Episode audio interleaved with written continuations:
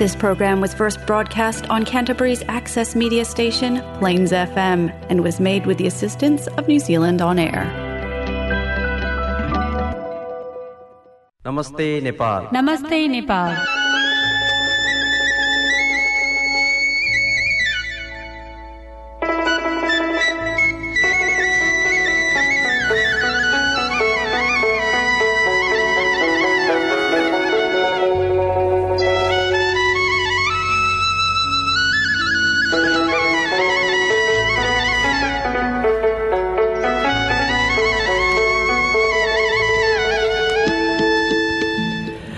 नमस्कार। Plains FM ninety six point nine मेघाजमा यो हो क्राइसिसवासी नेपालीहरूको आफ्नै कार्यक्रम कार्यक्रम नमस्ते नेपाल।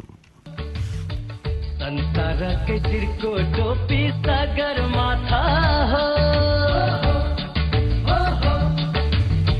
यही टोपीको तेरो फेरो हाम्रो गाथा हो। कहीँ पालपाली कहीँ भागौली मेरो टोपी नेपाली हजुर श्रोताहरू Nepal New Zealand friendship society क्यान्टबरीको प्रस्तुति कार्यक्रम नमस्ते नेपालको एक अर्को अङ्कका साथ यहाँहरूको घर आँगन रेडियो सेटमा सधैँ चाहिँ उपस्थित भइ नै सकेको छु। हप्ताको पहिलो दिन सोमबारको इभिनिङमा वा भनौँ बेलुका पख यहाँहरूको दिउस दिउँसोभरिको कार्यव्यस्तता अनि अध्ययनका व्यस्तता पछिको यो समयमा नेपाली गीत सङ्गीत अनि मिठा मिठा प्रसङ्गहरूको साथमा यहाँहरूले नमस्ते नेपाललाई लामो समयदेखि सुन्दै साथ दिँदै आउनुभएको छ। त्यसैले यो क्रमको निरन्तरता स्वरूप आजको साँझमा पनि यहाँहरूको साथ सहयोगको अपेक्षा राख्दै यहाँहरू सम्पूर्ण श्रोताहरूलाई सधैँझै म विनोद हार्दिक हार्दिक स्वागत नमस्कार टक्राउँदछु।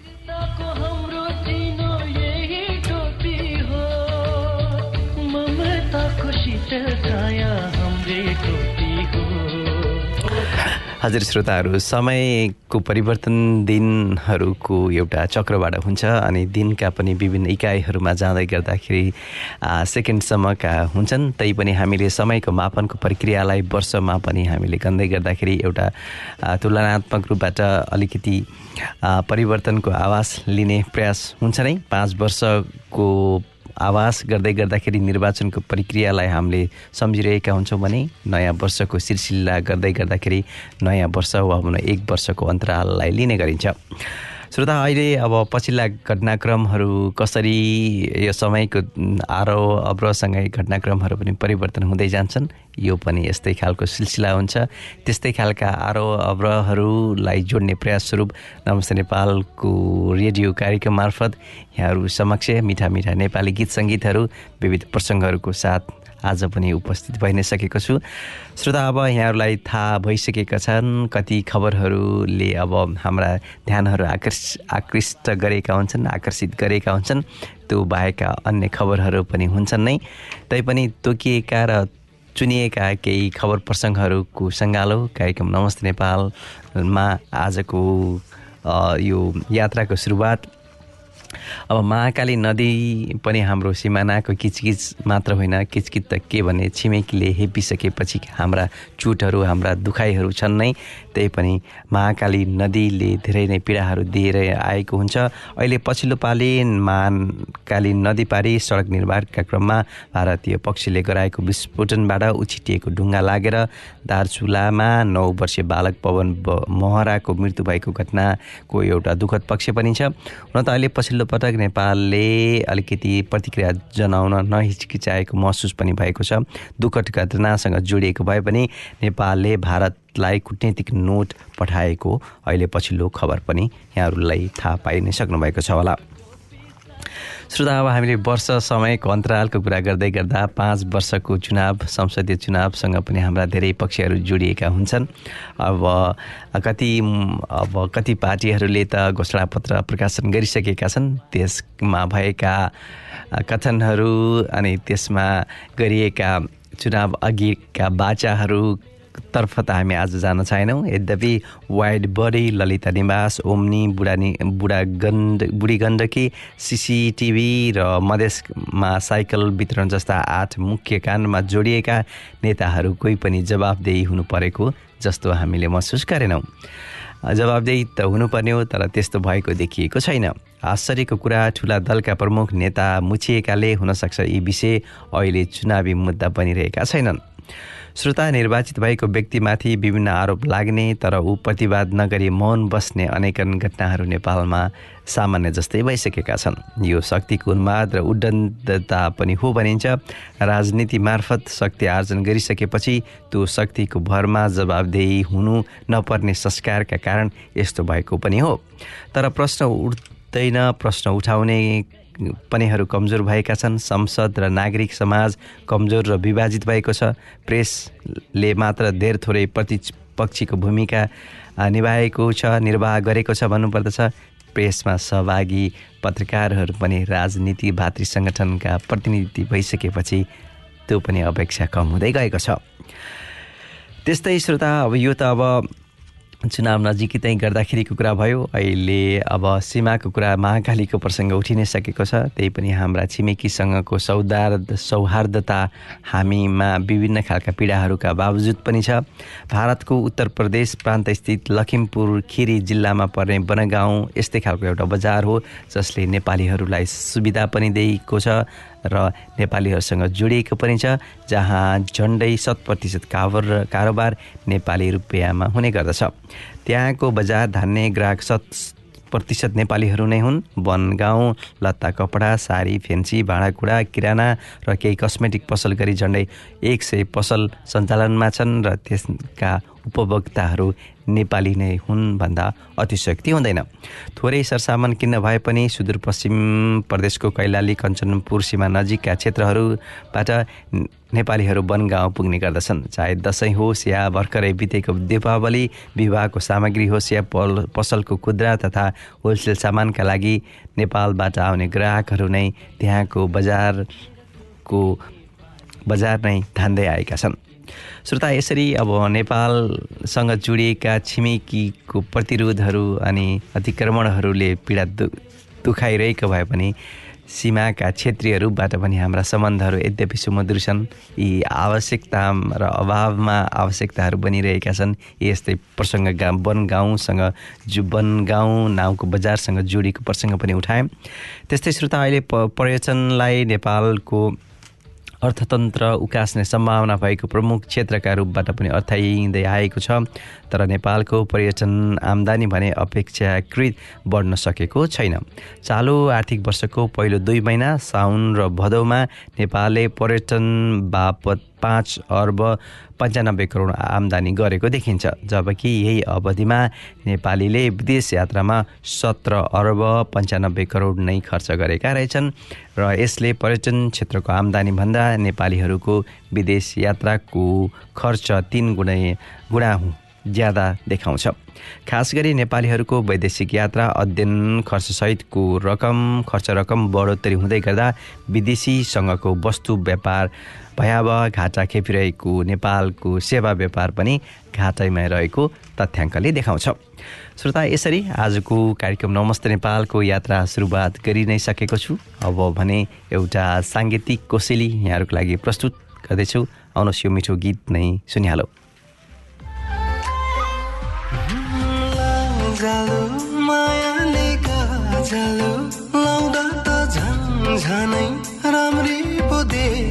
देख्यो नि हौ।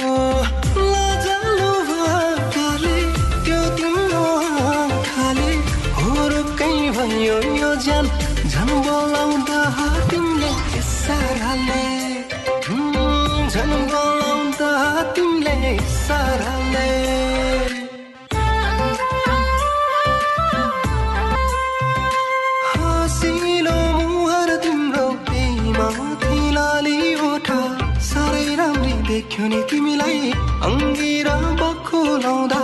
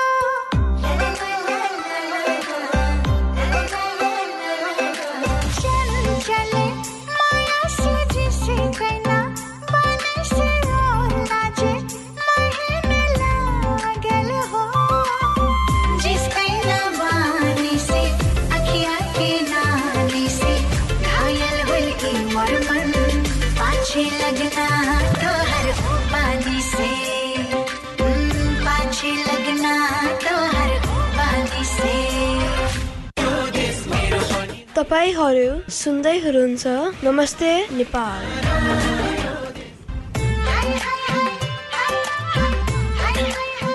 हजुर श्रोताहरू यो मिठो मिठो गीतपछि फेरि पनि यहाँहरूलाई कार्यक्रम नमस्ते नेपालमा सधैँ चाहिँ स- स्वागत गर्दछु। मिठा मिठा गीत सङ्गीतको प्रसङ्गहरू मैले यहाँ उठाइ नै सकेको छु। श्रोता अब खबरहरूको क्रममा अब निशान निसन्तानको समस्या पनि अब समाज परिवारमा सबैलाई गिज्यौलेको छ यसले अप्ठ्यारो पारि नै रहेको छ। त्यसैको छोटो प्रसङ्ग अब म यहाँहरूसँग जोड्न चाहन्छु।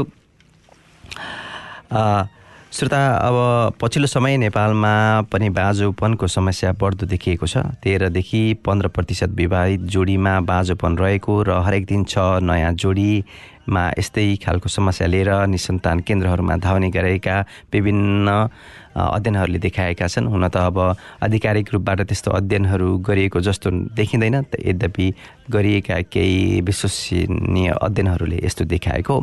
सन् दुई हजार एक्काइसमा सार्वजनिक भएको एक अध्ययन प्रतिवेदनले अनुसन्धान प्रतिवेदनले नेपालले निसन्तानहरूको हिंसा मानसिक तनाव भेदभाव सहनुमा साथै नेपालीहरूले मानसिक निसन्तानका कारणले हिंसा मानसिक तनाव भेदभाव सहनुका साथै सम्पत्तिबाट समेत वञ्चित हुनु परेको देखिएको छ। समग्र रूपबाट अमेरिका स्थित द मायो क्लिनिकले गरेको एक अध्ययन अनुसार अ, बाँझोपनका समस्यामध्ये बिस प्रतिशत जति पुरुषका कारणले हुने पाइएको छ त्यस्तै चालिस प्रतिशत चालिसदेखि पचास प्रतिशत समस्या महिलासँग सम्बन्धित छन् र तिसदेखि चालिस प्रतिशत समस्या भने महिला र पुरुष दुवैको कमजोरी उम्, का कारण हुने गरेको छ। श्रोता स्त्री रोग विशेषज्ञ डाक्टर भोला रिजलका अनुसार बाँझोपन नेपालमा ठुलै समस्या बन्दै गइरहेको देखिन्छ। कृत्रिम गर्दा गर्भधान पनि निसन्तानको एउटा उपाय त हो। अहिले पछिल्लो पटक नेपालमा पनि टेस्ट बेबीको जन्मको सुरुवात भइ नै सकेको छ। आइयुआई विधिबाट अस्पतालमा गएर पनि सेवा लिने चलन बढी नै रहेको छ। यद्यपि निसन्तानको समस्याले भने अब बिस्तारै यसले पनि सतहमा नै देखिने गर्ने खालको सङ्ख्या देखाएको छ। बाजोवनको प्रभाव जनसङ्ख्यामा समेत पर्न थालिसकेको विज्ञहरूको तर्कलाई पनि हामीले सकारात्मक रूपबाट नै लिनुपर्ने देखिन्छ। सरकारले अब परिवार नियोजन मात्र नभई परिवार योजनामा पनि ध्यान दिन आवश्यक छ। भन्ने खालको विज्ञहरूको तर्क रहेको छ।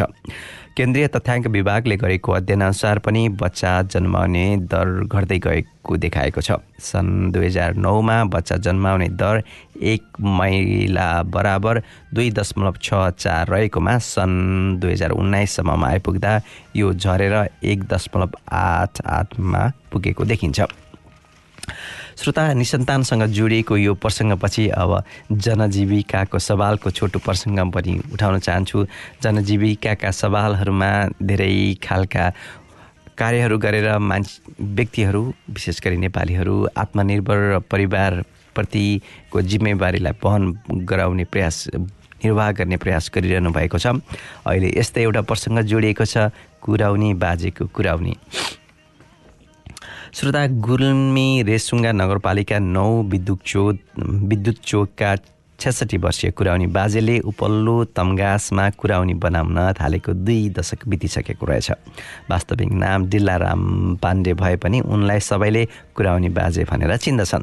सेतै फुलेका उनी कच्ची घरमा मिठो कुराउनी बनाउँदछन्। उनी साँझ बिहान कुराउनी पकाउन व्यस्त हुन्छन्। उनले बनाएको कुराउनी नचाकेका र पाहुर नलग्ने व्यक्तिहरू सायदै होलान्। उनी हातले दुध घोटेरै मिठो र स्वादिष्ट कुराउनी बनाउँछन्। पाण्डेले बनाएको कुराउनी जाडो मौसममा स्थानीय बजारकै नागरिकले धेरै खान्छन् र छोरा बुहारी घर माइत गर्दा विवाह विवाह रक्षाबन्धन र दसैँमा पनि कुराउनीको माग बढी हुने गरेको छ।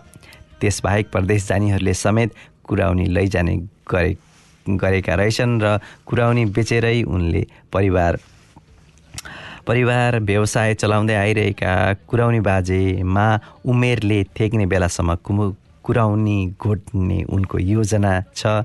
यस्तै रहोस् जनजीविकाको सवालमा कुराउनी बाजेको यो एउटा आत्मनिर्भरताको पनि हामीले प्रसङ्ग प्रशंसा गर्नुपर्ने नै देखिन्छ।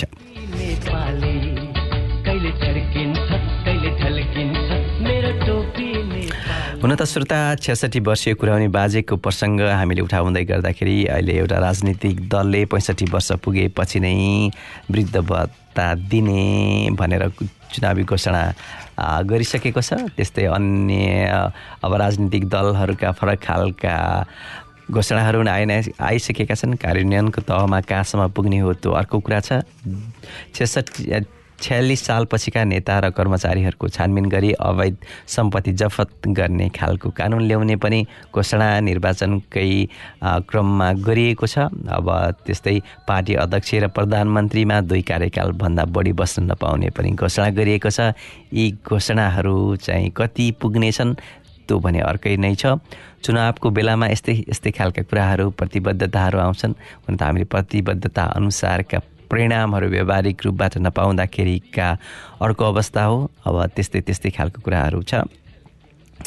त्यस्तै श्रोता अब यसरी हामीले यी राजनीतिक र विशेष गरी मक्सिर चारले ल्याउने खालको परिवर्तनको विषयमा पनि हामीले धेरै नै कुराहरू अपेक्षा गरिएको छ। हामीले अपेक्षा गरिए अनुसारकै त्यस्तै खालका व्यावहारिक सन्तुलन शान्ति सु सुरक्षा अमन चयन र विकासको पनि हामीले प्रतिबद्धता अनुसारकै परिणामहरू पनि महसुस गर्न पाइयोस्। हाम्रो यस्तै खालको शुभकामना रहेको छ आकाङ्क्षा रहेको छ।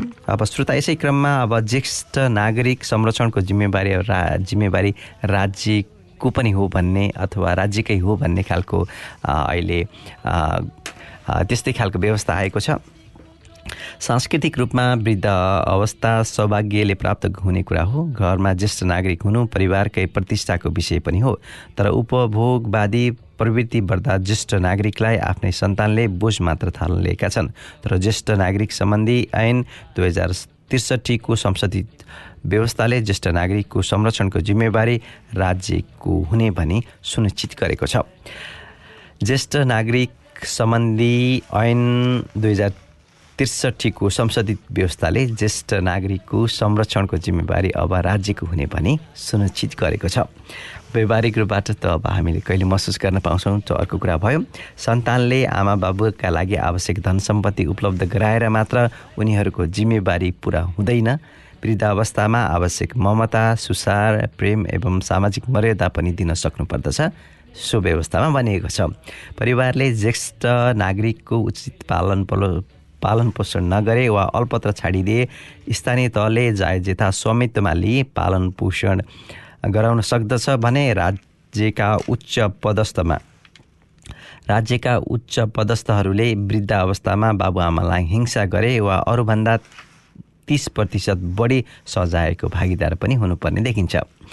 हिजोका दिनमा पारिवारिक विषय हो भनेर थामथुम पार्ने गरिएको यो घटनामा अहिले पछिल्लो यो ज्येष्ठ नागरिक सम्बन्धी संशोधित व्यवस्थाले अब यो कुरा ज्येष्ठ नागरिकप्रतिको जिम्मेवारी पुरा नहुने तथा अब आफ्नो आर्थिक दायित्व पुरा गर्दैमा ज्येष्ठ नागरिकहरूप्रतिको जिम्मेवारी पुरा नहुने र आमा बाबुको सम्पत्ति लुटेर सडकमा पुर्याउने वा वृद्धाश्रममा अल्पत छोड्नेहरूले यति सजिलै छुटकारा अब आउँदो दिनमा पाउँदैन कि नपाउन् पनि यस्तै खालको अपेक्षा सहितको यो प्रसङ्ग मैले यहाँहरूलाई सुनाइसकेपछि रमाइलो एउटा मिठो सुमधुर गीत अलिकति पुरानो हो तैपनि यसका भावहरू मिठा र रमाइला छन्। आउनुहोस् यो गीत नै सुनिहालौँ।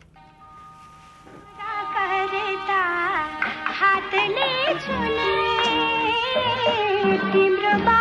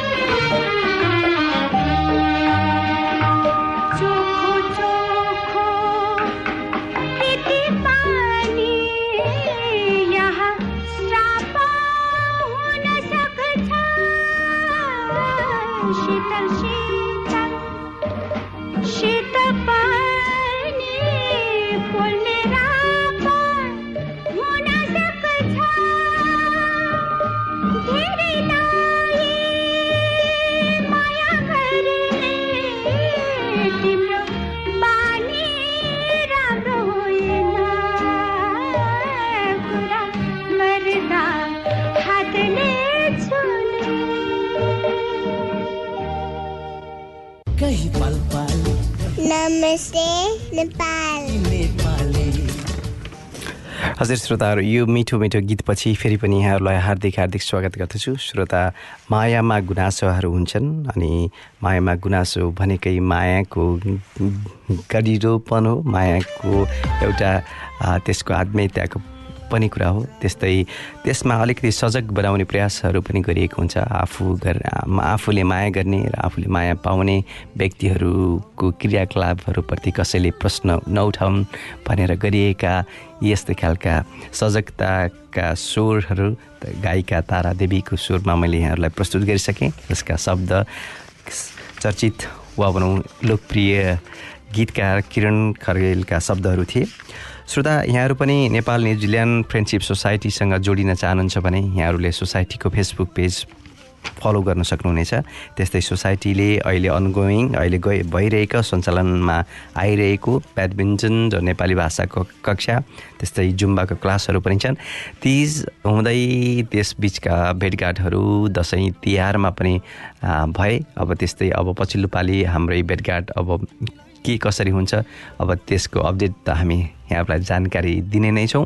त्यस्तै सन्डे विशेष गरी आइतबार बिहान भाइ बहिनीहरूका लागि नौदेखि एघार बजे नेपाली भाषाको कक्षा सोसाइटीले सञ्चालन गरिरहेको छ। त्यस्तै ब्याडमिन्टनको दसदेखि बाह्र तिस बजेसम्म अभ्यास भइरहेको छ। त्यस्तै बुधबारको दिन जुम्बाको क्लास पनि भइरहेको छ। यसको समय र स्थान भने अलिकति अल्टरनेटिभली भइ नै रहेको छ। कृपया त्यसका लागि पनि यहाँले सोसाइटीको फेसबुक पेज फलो गर्ने प्रयास गर्दै गर्नुहोला।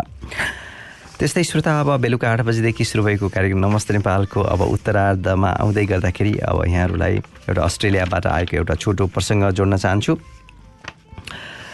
श्रोता अब हामीले अस्ट्रेलियामा पुनः अन्तर्राष्ट्रिय विद्यार्थीहरूलाई पूर्णकालीन काम गर्न नदिने प्रावधानको विषयमा त हामीले कुराकानी गरि नै सक्यौँ। यसभन्दा अगाडि त्यस्तै अहिले पछिल्लो पटक अन्तर्राष्ट्रिय विद्यार्थीहरूलाई पूर्णकालीन काम गर्न नदिने निर्णयपछि दक्ष कामदार र अभिभावक भिसाको सङ्ख्या करिब दोब्बरले वृद्धि गर्ने भएको अब खबर पनि आइ नै सकेको छ। अस्ट्रेलियाबाट जुन को छोटो प्रसङ्ग म अब यहाँहरूलाई जोड्न जोड्न चाहन्छु। श्रोता अब भएको के रहेछ भने अब यो दक्ष कामदार भिसाको सङ्ख्या आगामी आर्थिक वर्ष सन् दुई हजार बाइस र तेइसमा उना असी हजारबाट एक लाख बयालिस हजार पुर्याइने चाहिँ अस्ट्रेलियन सरकारको घोषणा आइ नै सकेको छ। त्यसपछि कोरोना भाइरसको सङ्क्रमणपछि कामदार अभाव भएका कारण उक्त अभावलाई पुरा गर्नका लागि दक्ष कामदार भिसाको सङ्ख्या वृद्धि गर्न लागि बताइएको छ। बढाएको दक्ष कामदार भिसामा विदेशमा रहेका दक्ष कामदार तथा अस्ट्रेलियामा लामो समयसम्म बसोबास गरिरहेका व्यक्तिहरूलाई प्राथमिकता दिइनेछ। दक्ष भिसाको प्रक्रियाबाट पिआर लिने भएकाले नेपाली विद्यार्थीहरूलाई समेत सो प्रावधानबाट प्रत्यक्ष फाइदा पुग्ने विश्वास गरिएको छ। श्रोता यसरी हामीले यी यस्तै खबरहरूका साथमा बेलुका आठ बजेदेखि सुरु भएको कार्यक्रम नमस्ते नेपालको आजको कार्यक्रमलाई अब यहीँ आएर बिट मार्नुपर्ने बेला भइ नै सकेको छ। श्रोता आजको कार्यक्रम सुनेर साथ दिनुभएकोमा यहाँहरूप्रति हृदयदेखि नै कृतज्ञता व्यक्त गर्दै म भने आजको कार्यक्रमलाई यहीँ बिट मार्न चाहन्छु। आउँदो साता फेरि पनि भेटघाट गरौँला। आजको कार्यक्रम सुनेर साथ दिनुभएकोमा धेरै धेरै धन्यवाद दोहोऱ्याउँदै नमस्कार शुभरात्रि। कालो केसमा रेलीमै बाँधेको रिबन तिमीलाई हेर्दै रेलीमै बिताउला जीवन। कालो केसमा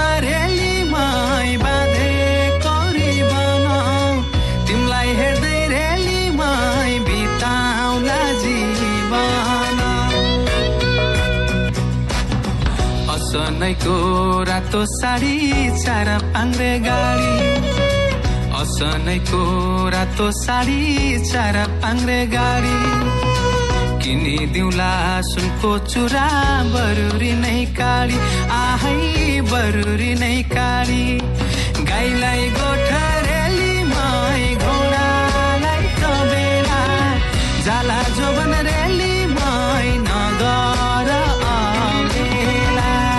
नमस्ते नेपाल नमस्ते नेपाल।